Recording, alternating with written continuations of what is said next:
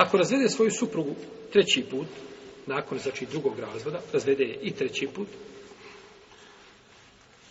tada je duža da se uda. Mora znači stupiti u ispravnu bračnu vezu sa drugim čovjekom i a, fe intallakaha fe, fe intallakaha a ako je razvede koji put?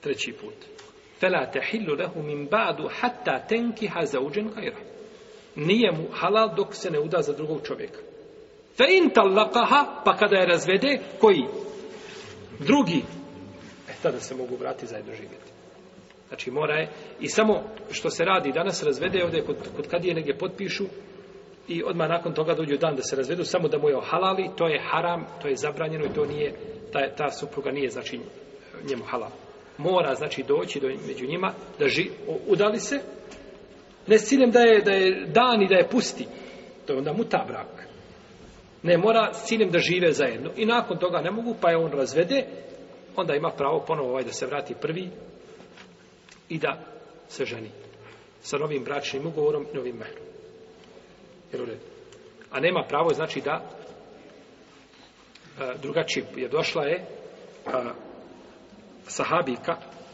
žena Rifael Kurezija, i došla kod, kod, došla kod poslanika, sallallahu alaihi i kaže, Allah poslanič, kaže, mene je razveo, a, Rifate me je razveo potpuno neopozivo. Znači, nemam pravo da se vratim. Kaže, pa sam se, ja nakon toga, kaže, udala za Abdurrahmana ibn Zubeira.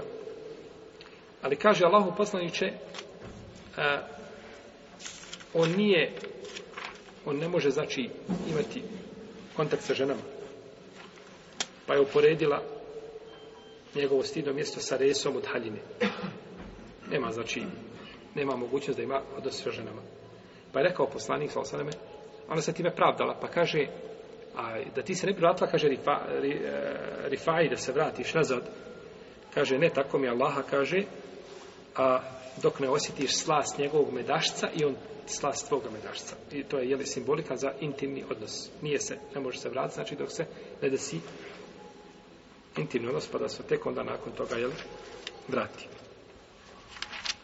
Pa je obaveza, u tom slučaju znači da se žena uda za drugog čovjeka i kada je on razvede, tek nakon toga oni stupaju ponovo u bračnu vezu. Ima puno ljudi koji se igraju s ovim propisom. Čovjek mi je govorio za, za, za muslimana koji, kaže, razveo ženu osam puta i dalje živi sa njom. Nema snage da je osima djecu. Pa naravno imaš djecu. A gdje ti je razum bio i pamet kada si razvodio? Pa da ima, znači, sa djecom, da ima sa ženom, ne znam, bataljom djece mora se rastaviti iz tog momenta. Ne mogu zajednički živjeti. Njima je haram da žive i nema tu nikakvih emocija. Pa jah i kako, pa u šarijetu može ostane. Ne može se ništa upakovati. I nikome se ne može na zemlji olakšica dati. Ponekad ljudi razvedu, razvede suprugu tri puta i kaže ima li kakva olakšica, ima li kakva im, nema nikakve mišljenja. Budi sretan što nisi dobio ovaj, po leđima bičeve što se do sad nisi razvijel. To ti je bila dužnost da je razvedeš, a nikako da živiš sa njom. Pa čovjek treba koristiti, znači, razum, a ne emocije. Zato je brak u ruci muškarca, nije u ruci žene.